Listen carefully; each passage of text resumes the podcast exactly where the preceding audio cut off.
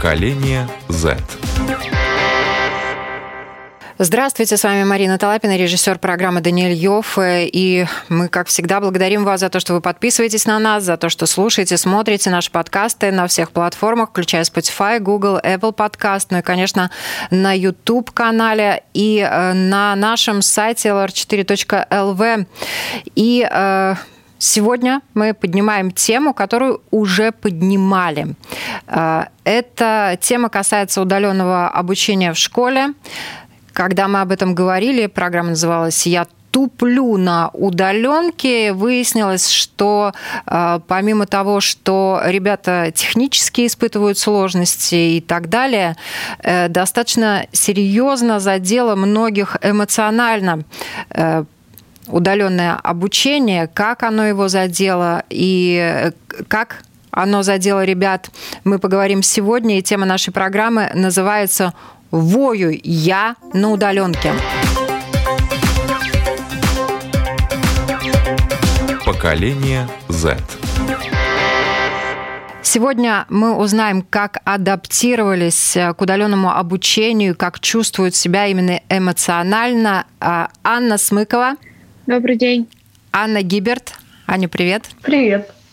И Ксения Серова. Всем здравствуйте.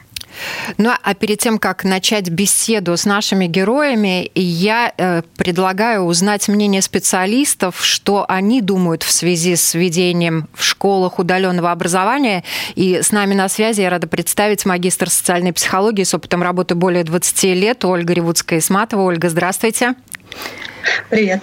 И я добавлю, что на данный момент Ольга заканчивает еще одно образование в Литовском гуманистическом институте экзистенциальной психологии под руководством очень известного экзистенциального терапевта Римонта Сакачунаса. Оля, что наблюдают специалисты в связи с введением удаленного обучения в школах?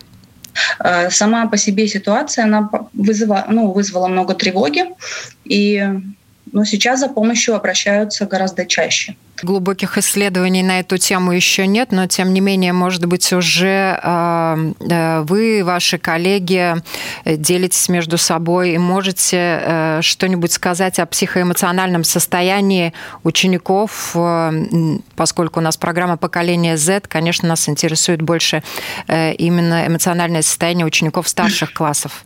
Исследования уже показывают, что вообще-то в процессе э, дистанционного обучения увеличилась нагрузка, и, к сожалению, результат конечный стал хуже. Э, также в процессе дистанционного обучения э, подросткам не хватало коммуникации как с преподавателями, так и со сверстниками. И это отразилось на протекании таких психических процессов, как восприятие, внимание, память, мышление. Третье. Обучение в режиме онлайн, оно также сказалось на самочувствии респондентов. Э, и произошло ухудшение настроения более чем у трети опрошенных.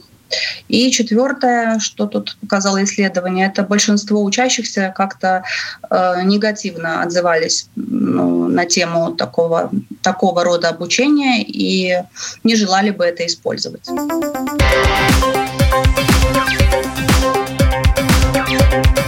Поколение Z. Хочется, девчонки, узнать у вас о ваших ситуациях, с которыми вы столкнулись на удаленном обучении именно эмоционально. Ксюш, давай начнем с тебя.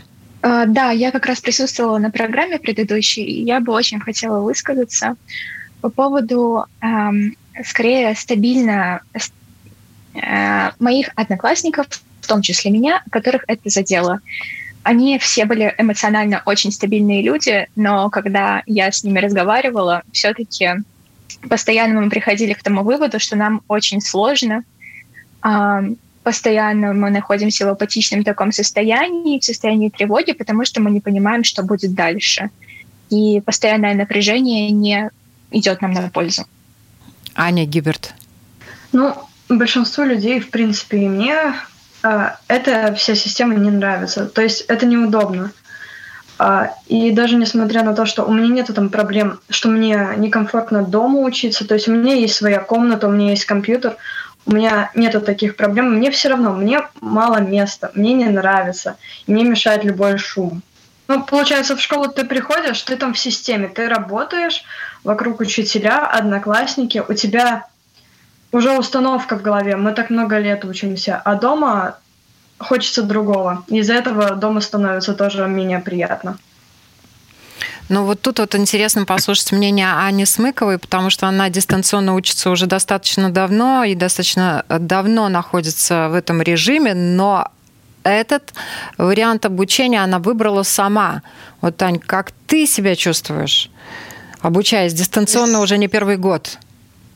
Ну, на самом деле, э, моя жизнь до коронавируса э, и сейчас мало чем отличается. Я также сижу дома, я также учусь, и меня это... Я не скажу, что в моей жизни пришли какие-то очень серьезные перемены. Скажу так, что все в апатичном состоянии, потому что все не понимают, что происходит, все не понимают, что будет завтра. А, и, в принципе, я думаю, что это вводит стресс не только школьников. Но я соглашусь, что в нашей стране действительно очень неудобная система дистанционного обучения прям до ужаса неудобно, и это тоже многих вводит в стресс. Моя система обучения, так как я учусь э, в американской школе в Америке, я числюсь в Америке, э, у нас все продумано, потому что такая система уже существует довольно-таки давно. И я не ощущаю особого дискомфорта. Но, например, я знаю своих друзей, вот опять же Аня, Ксюша, которые постоянно говорят, вот, мне надо сначала отправить работу так, потом мне надо ее переформатировать, потом сделать то, потом учителю что-то не нравится, мне надо ему отправить, и это все переходит, ну, находится не в системе, а через имейлы это все пересылается, это безумно неудобно, и я понимаю людей, которые действительно сидят на домашнее образование в Латвии. Но мы сегодня не говорим о дистанционном образовании, потому что дистанционное образование в Латвии это тоже отдельная тема, и оно налажено, да, а мы говорим именно об эмоциональном э, состоянии ребят, потому что э, к тому, что на удаленку будут приведены э, большое количество учеников, учителей, школ, родителей в том числе, не были готовы вообще никто, и система резко начала меняться, начали все к ней адаптироваться. Это, естественно, вогнало э, в такой легкий, наверное, эмоциональный коллапс всех кто так или иначе с этим связан, особенно детей, особенно то, что связано с обучением, потому что обучение – это большая часть вашей жизни. Вы ходите в школу, как на работу, да, и сейчас это звучит так очень странно, ходите, да, то есть вы встаете в школу, как на работу, наверное, правильнее говорить. Эмоциональная удаленка задела серьезно практически всех. Я разговаривала с разными школьниками, и с кем бы я ни говорила, э, все э, достаточно бурно, эмоционально на это все реагируют. У нас есть еще истории 12-классников, для которых этот год выпускной, и, можно сказать, э, решающие, и им надо и закончить, и поступить, и вопросов очень много. Давайте послушаем, что говорят они о тех эмоциях, которые вызывают у них удаленное обучение.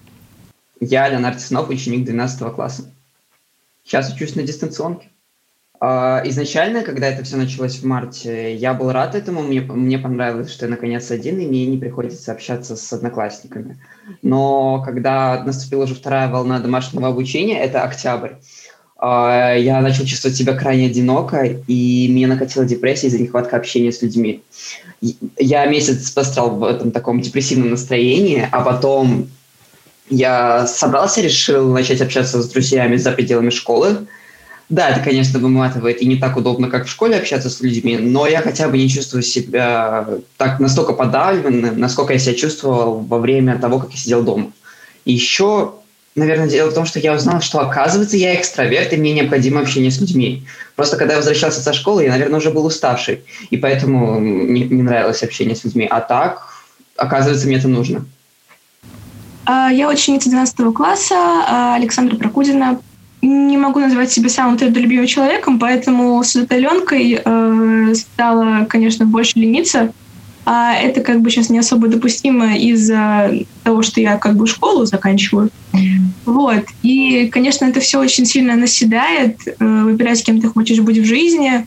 И все это на удаленном обучении. Сейчас большой вопрос стоит в том, брать ли, как, грубо говоря, академический э, год или сразу же ехать в университет. Если ехать за границу, то как там будет проходить обучение. То есть много таких вот деталей, мелочей, которые скапливаются, которые по итогу решают поток твоей жизни.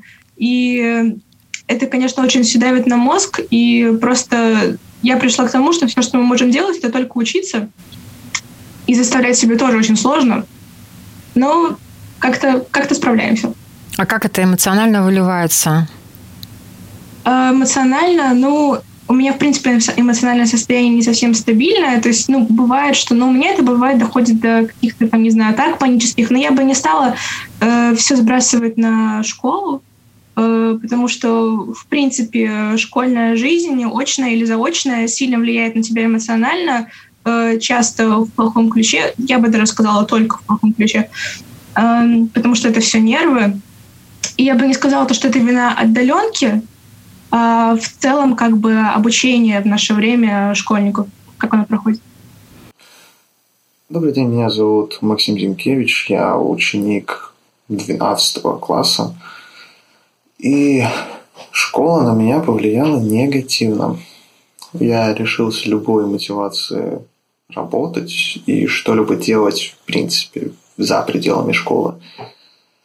А на это повлияла школа, потому, тем, что достаточно тяжело продолжать учиться удаленно. Очень гораздо больше всяких технических сложностей и сложнее их решить. И получается так, что из-за того, что очень много уроков, за которыми тяжело следить, очень задания прикрепляются не в попад, очень часто какие-то ошибки допущены учителем, прикреплены на разные даты. Вот нужно сделать работу до завтра, ее прикрепили на завтра. Ты ее завтра открываешь, ее уже нельзя делать. Ну, к примеру, не все так. Все очень уникально. А из-за того, что постоянно находишься дома, очень тяжело продолжать учиться и посещать уроки, конференции удаленные, потому что, находясь дома постоянно, как-то об этом уже забываешь и все время сливается в единую кашу. Из-за того, что гораздо сложнее учиться удаленно, гораздо больше неудач, которые заставляют задуматься о грядущей карьере. И с удаленным обучением Неизвестно, будет ли оно у тебя потом шансы на этой работе, как туда попасть. Тяжело. И из-за всего этого, из-за школьных проблем, не только из-за ограничений по передвижению в принципе, а скорее из-за того, что в школе очень тяжело, чаще сидишь дома и ничего не делаешь и себя даже никак не развлекаешь. Если в самом начале всей этой карантина а, была какая-то мотивация веселить себя самому, что-то делать постоянно, то сейчас уже спустя почти год некоторые дни проходят просто в постели не вставая.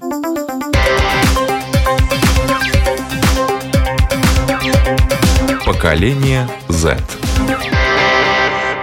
Вот по наблюдениям нейропсихологов и биологов, школьники в дистанционном формате имеют трудности с концентрацией и вниманием. Вот действительно труднее сконцентрироваться, когда вы удаленно обучаетесь, Ксюш?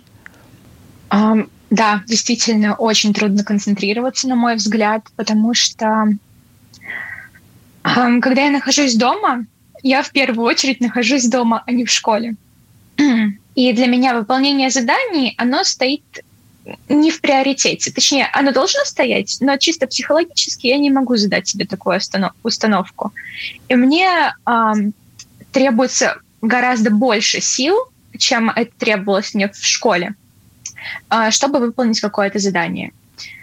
Э, и, следственно, больше времени, и так у меня падает настроение. То есть мне нет мотивации это делать, хотя она должна быть я тоже нахожусь в 12 классе, мне очень это все капает на мозги, но кое-как я пытаюсь с этим бороться. Аня, Гиберт. А, вот в школе на что мы отвлекаемся? В большинстве случаев на одноклассников. А получается, на удаленке, ну, не особо что-то меняется, ты также отвлекаешься на своих одноклассников или друзей, но уже через телефон. А просто шепнуть кому-то что-то на ухо или же открыть телефон и написать, это, мне кажется, уже по-разному ощущается, потому что ты открыл телефон, обычно это социальные сети, автоматом еще дополнительная информация, и учитель вообще не слышит, то есть тебе даже не нужно шепотом ничего говорить. Отключил микрофон и говоришь себе что-то. И в итоге, если в школе ты отвлекся, и ты упустил, ну, процентов 10 сказанного в тот момент, то вот так вот в телефоне ты полностью абстрагировался от того, что слышишь из компьютера. Аня, вот у тебя лекции дистанционные в американской школе. Каким образом они контролируются? Ты умеешь, у тебя получается сконцентрироваться полностью на лекции? Ну, скажем так, что у меня очень мало лекций, точнее, их практически нет, потому что после девятого класса мы, у нас вот есть э, текстовой материал, по которому мы учимся, у нас есть видеоуроки, и все. И как бы в этом разница. И хочу как бы подвести, ну, как бы, как это правильно сказать? Когда ты сам выбираешь, как ты хочешь учиться. Вот, например, я знала, что мне не нравится ходить в школу, мне не нравится наша система образования, я всегда ее хотела сменить, и для меня это был выбор. То для многих сейчас это не выбор, это просто как бы ситуация, которую они не могут никак изменить. И это проблема. Поэтому и возникают проблемы, вот, мой дом — это дом, я хочу тут отдыхать. Ну, конечно, потому что ты это не выбирал, оно само к тебе пришло. И, э, например, ну это тоже, кстати, дело привычки, потому что у меня какое-то время была даже четко выстроенная система, что э, вот, например, вот моя кровать, я тут не учусь, а вот мой стол, тут я учусь. И ты как бы разграничиваешь пространство, и из-за этого тебе становится полегче. Но, опять же, повторюсь, это э, дело выбора.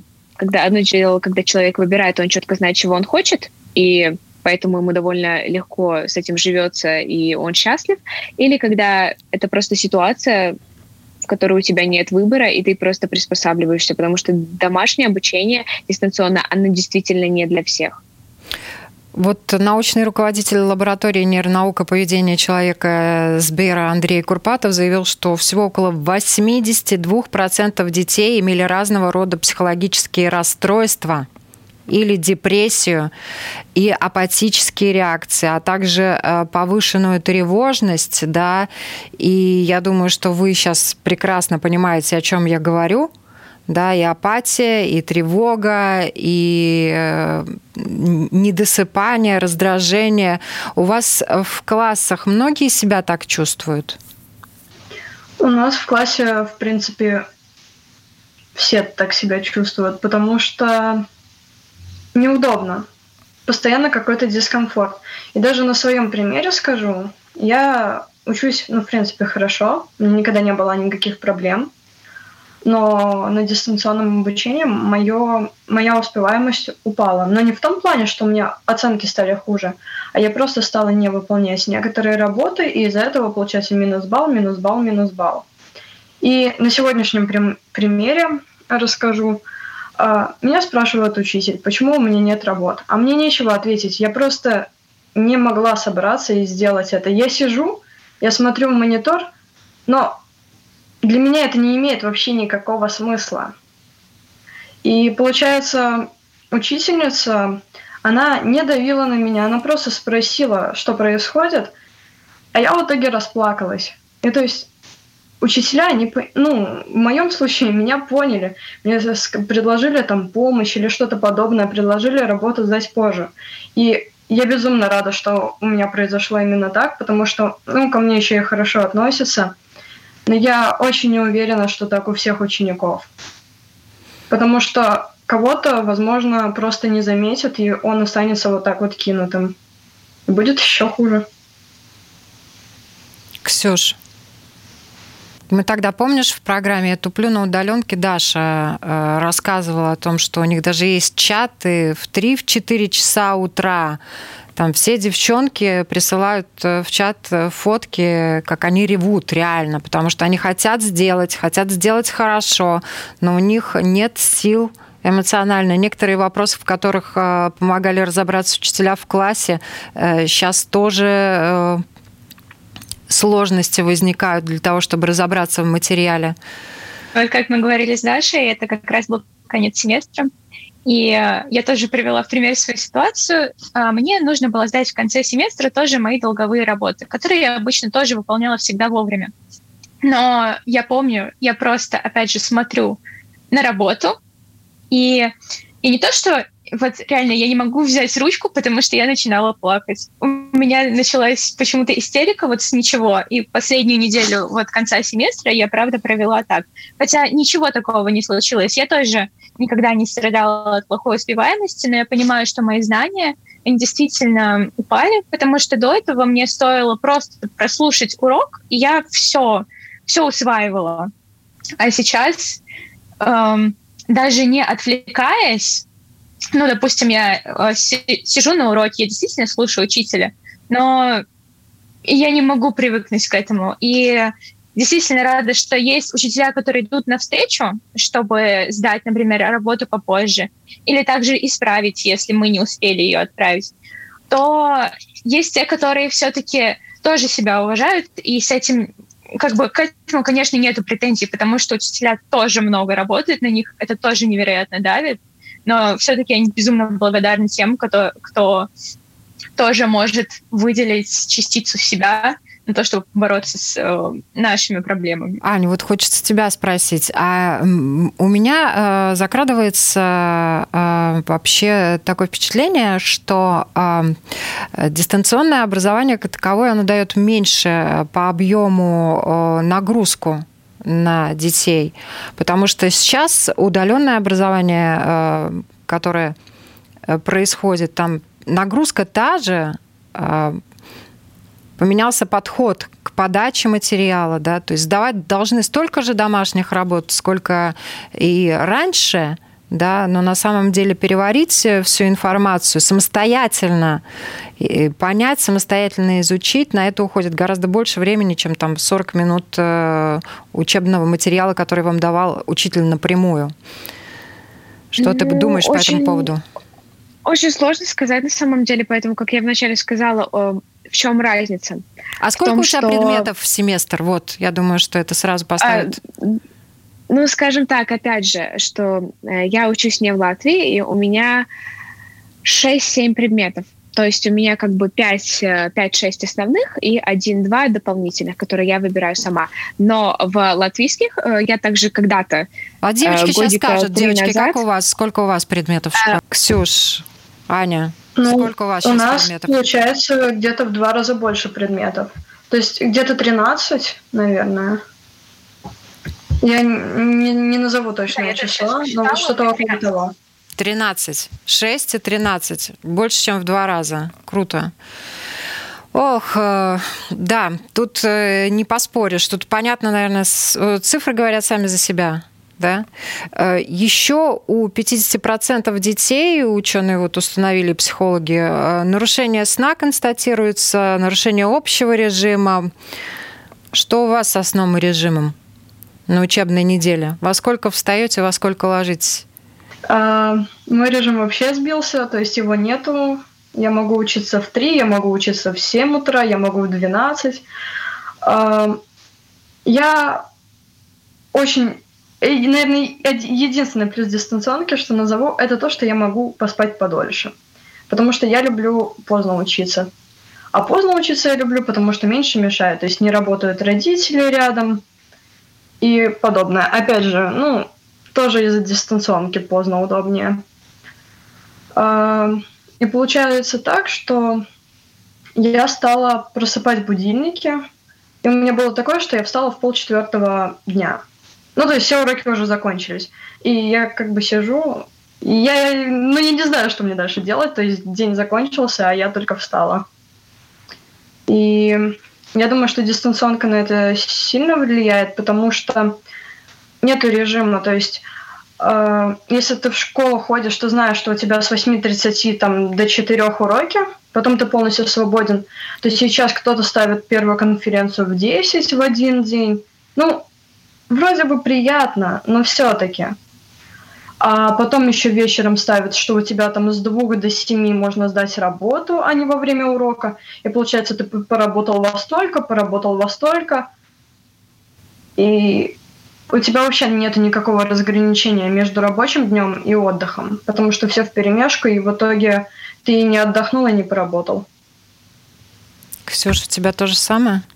Да, у меня абсолютно то же самое. И сейчас у нас в школе стали бороться с тем, что мы учимся ночью. Мы действительно учимся ночью. А как что, с этим борются? А, а просто ставят срок работы не 24 часа, как это было раньше, а ну, условно, до конца рабочего дня, там, до 6, 9, до 9 вечера, да, когда ставят, не конец рабочего дня, но у кого как.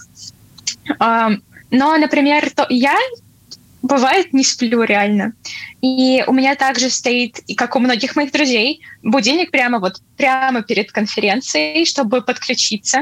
Я тоже их частенько просыпаю, вот сегодня тоже, хотя поставила три будильника. А, и у нас еще такой минус, как я считаю, между конференциями очень большие перерывы бывают. То есть полтора часа, два часа — это нормально. И в этом плане я тоже могу подумать, что мне сделать, уроки или поспать, если я не спала. Ну, то есть так. Ань, вот у меня такое впечатление складывается, что у той удаленки, э, которая в которую окунулись э, ребята, латвийские школьники, у него как таковой просто системы нету. Жесткой, четкой, понятной всем. Это я и пыталась сказать в самом начале. Именно это и вводит всех в стресс. Потому что нету системы. То есть наша система, она просто не приспособлена для этого. Ни учителя, ни ученики не знают, как правильно ею пользоваться. И, к примеру, если я знаю, ребятам э, сейчас подтвердят, выдаются, по-моему, задания на день, или они узнают о лекциях за, по-моему, день до этого, а расписание лекций я могу быть не права, девочки, подтвердите, пожалуйста. У вас нет такого расписания, как это было раньше, да? Меняют.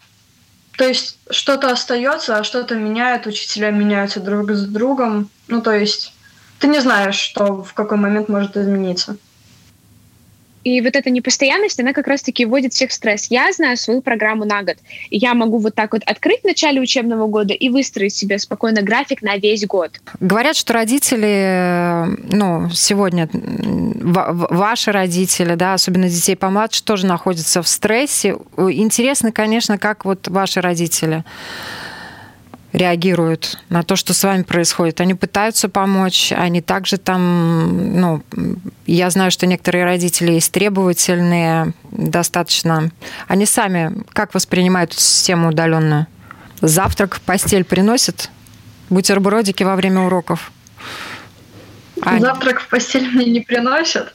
Но бутербродик, конечно, во время урока был. Но у меня таким образом еще весной, когда только удаленка началась, вошли на экзамен. И то есть бывает такое, что родители просто так заходят в комнату.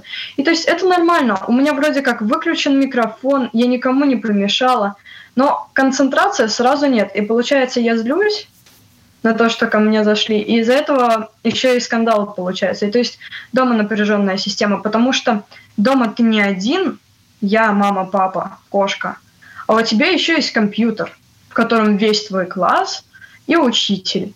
И главный в этот момент в твоем доме именно получается учитель. Ну да, тут должно быть, конечно, очень все продумано. Ксюша, как у тебя? А, ну, у меня вот мама, у нее есть доступ к моему расписанию, то есть каждый день. И когда я просыпаю очередной урок, э, я благодарна маме, что она меня будет, потому что иначе я не знаю, как я выжила. А, но, в принципе, я уже привыкла к тому, что, например, когда я знаю, что у меня вот сейчас прям важный урок, важная тема, я предупреждаю, что, пожалуйста, а, меня вот в ближайшее время не захотите ко мне, не трогать, не надо. Я собьюсь, я вот прям себя знаю. И, ну, моя мама тоже волнуется, и она мне предложила на данный момент вариант того, чтобы я полностью перешла на удаленное обучение уже в школе, которая приспособлена к этому. Потому что как ни странно, а, латвийские школы не взяли ту систему, похожую на те, что уже есть в нашей стране.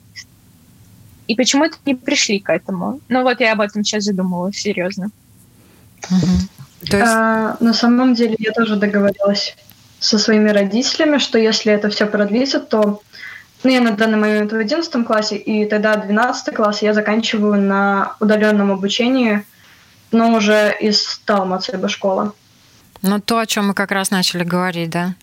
Вот э, директор Института когнитивных исследований в России, нейробиолог Татьяна Черниговская, достаточно известная, э, известный сильный ученый, она считает, что переход в режиме онлайн уже является большой нагрузкой для мозга, да, то есть человек сидит перед компьютером гораздо большее количество часов, чем проводил раньше в классе перед учителем да, вот. И это не только нагрузка на зрение, но это в целом нагрузка и внимание, и концентрация у теряются, мы об этом вначале говорили, да, и по мнению Черниговской перестают работать старые нормы вообще этики и морали, поведения и законодательства. Возникает синдром вообще отложенной жизни, да, отложенной на то время, когда пандемия закончится. Вот у вас есть такое, что я начну жить, нормально учиться, когда это все закончится, то я начну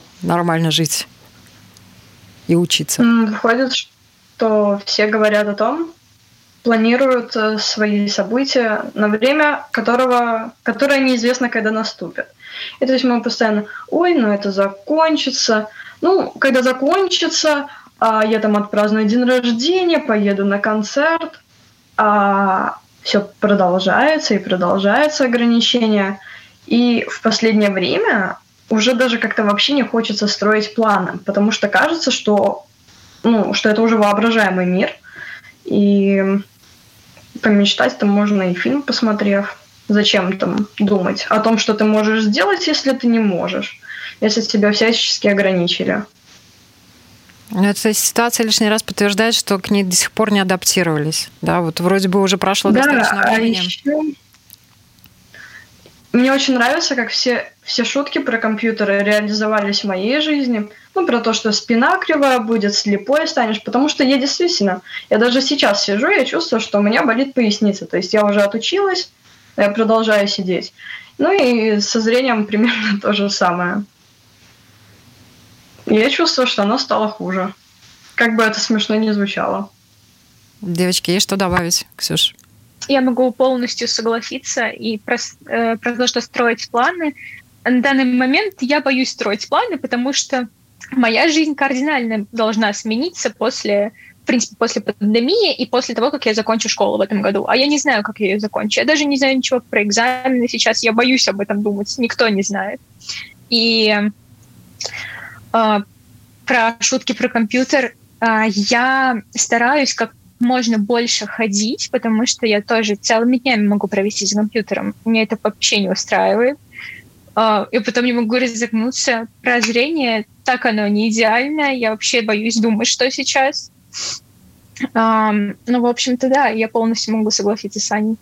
Анечка, вот ты достаточно давно уже сидишь перед компьютером и учишься, и достаточно много времени проводишь. Но ты сама это выбрала. Ну да, как бы просто когда ты сам выстраиваешь себе график, ты ни от кого не зависишь, и ты такой, так, сегодня я сделаю столько-то заданий, это у меня займет столько-то времени, поэтому как бы э, ты и учишься, ты, в принципе, сам контролируешь, сколько информации ты в день потребляешь, ты контролируешь время, которое ты проводишь перед компьютером, и у тебя как бы сохраняется вот этот баланс между учебой и жизнью. У ребят он сейчас абсолютно стерт, насколько я слышу.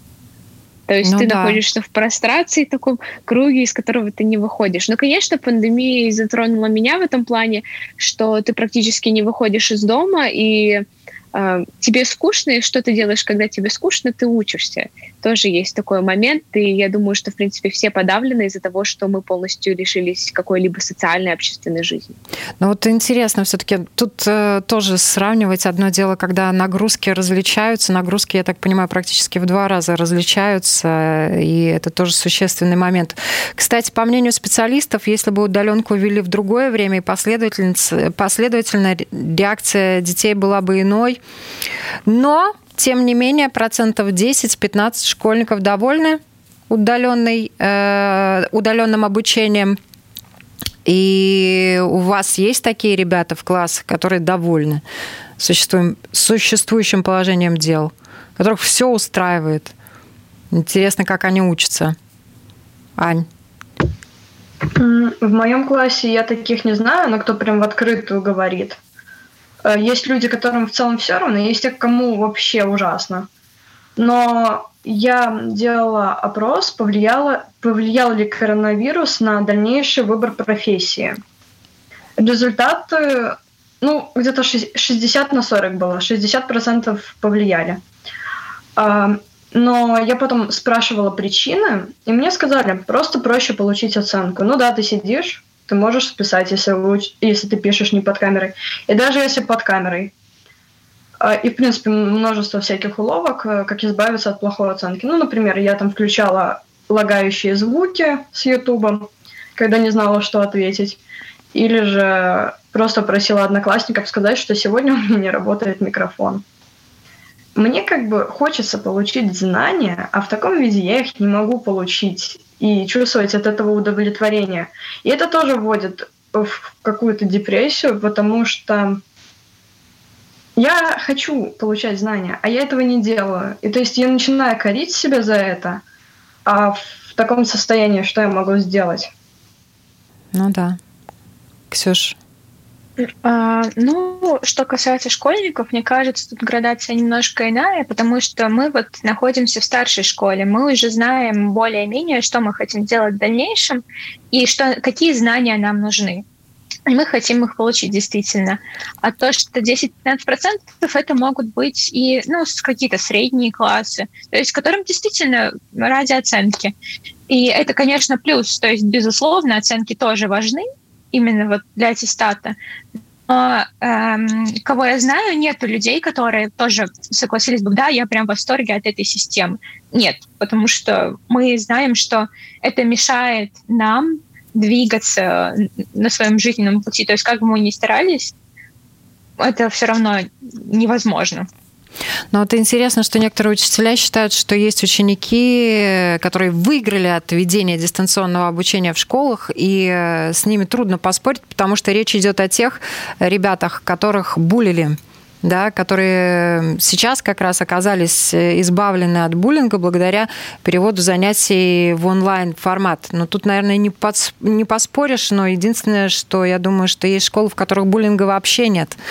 Да, и есть школы, в которых при появлении такого рода э, травли э, достаточно быстро все пресекалось. Но мне интересно ваше мнение. Вот буллинг, он действительно искоренен или травля имеет место быть, просто перешла в онлайн формат? Не то чтобы я сталкивалась прям с реальной травлей, ну, чтобы вот человеку ужасно было, но у нас на уроках ничто не мешает некоторым одноклассникам взять и подколоть в микро- микрофоне кого-то. Ну, включил микрофон, нашептал там чего-то, посмеялся. Учитель же не видит всегда, кто это. И, ну, это у нас осталось на том же уровне. То есть пендали у нас и так никто никому не давал. А еще я бы хотела добавить, что, возможно, выиграли не только ребята, которых булили, которым просто неприятно было находиться, но еще и те, кто точно знает, чего они хотят. Потому что у меня есть знакомая, она выбрала учиться в будущем медицинском, и она заканчивает экстерном этот год, 11-12 класс. И получается, она быстренько сделала какие-то дела утром школьные, ну, если, понятное дело, знает о них – и пошла на свои курсы. А, ну и понятное дело, что акцент делается на те предметы, которые нужны.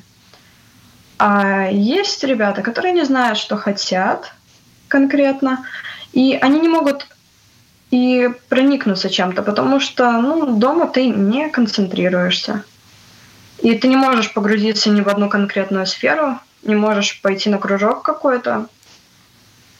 И определиться все еще невозможно. Вы обращались э, к специалистам каким-то за помощью, ну, чтобы вот эмоционально как-то разрядиться?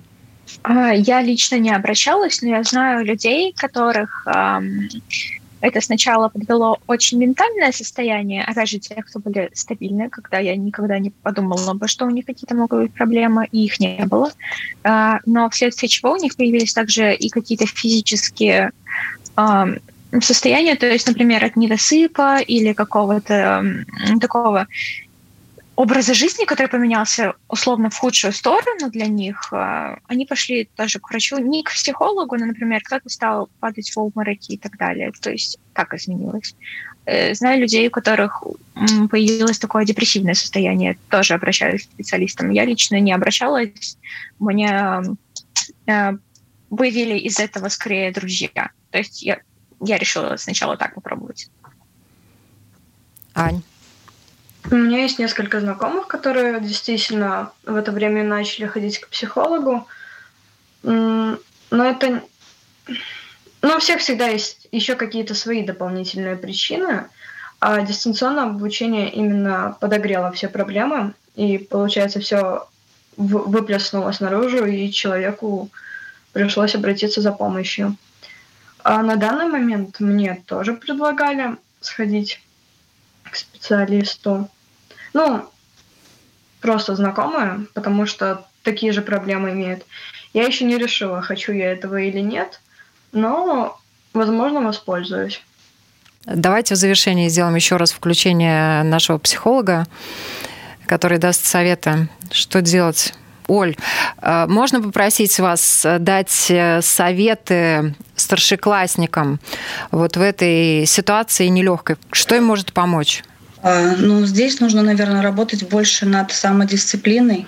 И э, мне кажется, что важно э, относиться, наверное, к тому, что происходит, и трудностям, с которыми сталкивается подросток, ну, скажем так, с пониманием к тому, что вообще-то это довольно-таки ну, сложное дело учиться таким образом. И если подросток э, замечает, что у него есть э, э, определенного характера трудности, если он чувствует тревогу, если у него нарушается сон, он может чувствовать как физические симптомы недомогания, так и такие эмоциональные, да, то есть ну, страхи, потому что тревога всегда стремится стать страхом.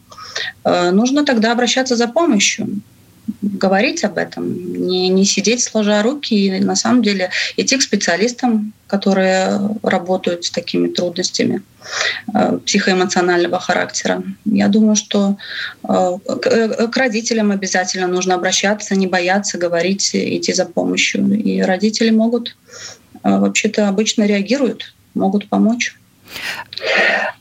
Вот вопрос э, касательно того, когда надо обязательно идти к специалистам. Обязательно нужно идти к специалистам, я думаю, когда вы чувствуете ну, серьезные нарушения. В моей практике есть опыт э, того, как в связи с этой всей ситуацией и сильным напряжением э, вот, э, в этой интенсивности такой учебной э, жизнедеятельности э, повысились, ну, такие, скажем так, э, тревожного спектра расстройства, то есть панические атаки, а, пищевые нарушения поведения, есть подростки с э, тенденцией к самоповреждению. И вот мне кажется, такая тоже нехватка коммуникации, вот то, что, ну, вот, э, что ситуация предполагает э, ну, сама по себе, такое повышение тревожности, э, это будет определенно какими-то симптомами характеризоваться. И я думаю, что нужно обращать внимание на разного рода симптомы, как эмоциональные, так и физические. Нарушение сна, например, там, не знаю, потеря аппетита.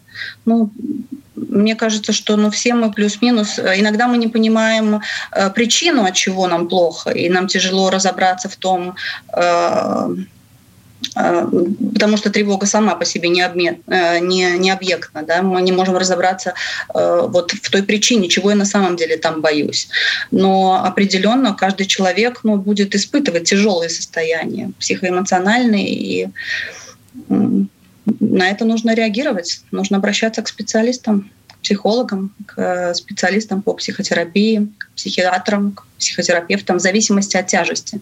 В любом случае любой специалист из психологической такой э, среды он направит. Он всегда направит, он всегда скажет, э, куда идти дальше. А в завершении программы я предлагаю послушать э, нашего очень хорошо известного Мишу Олехова, э, который также учится сейчас удаленно, как он эмоционально переживал всю эту ситуацию, какие э, выходы и решения для себя он нашел. А, я хотел бы сказать следующее, что удаленное обучение на меня, конечно же, повлияло, Вначале у меня было восприятие такое, что это все только рассказывают, что а, ты чувствуешь одино, одиночество и что возможно депрессия при удаленном обучении, но потом я тоже прошел через эту стадию отчуждения и равнодушия. Теперь я понимаю, что тоже такое существует, и главное в этот момент это найти какую-то мотивацию, чтобы дальше развиваться и по возможности тоже организовывать себя, то есть какие-то временные рамки себя а, себе находить какие-то временные рамки. И это для меня лучше всего работало. А также, кроме того, когда у меня был такой период, я начал вести так называемый дневник тревог. Это когда ты записываешь в двух столбцах в один тревоги свои, а в другое решение. Потом, когда у тебя такие ситуации нервные возникают, ты это просматриваешь, тебе это помогает. Так что у меня разные, по-разному восприятие к удаленке менялось в течение, этого, в, в течение всего этого периода. Спасибо большое за этот откровенный, честный, жесткий, эмоциональный разговор. Я напоминаю, сегодня с нами Анна Смыкова, Анна Гиберт, Ксения Серова и также другие ребята, которые рассказали о том, что они сейчас испытывают, э, обучаясь удаленно. Всем хорошего дня!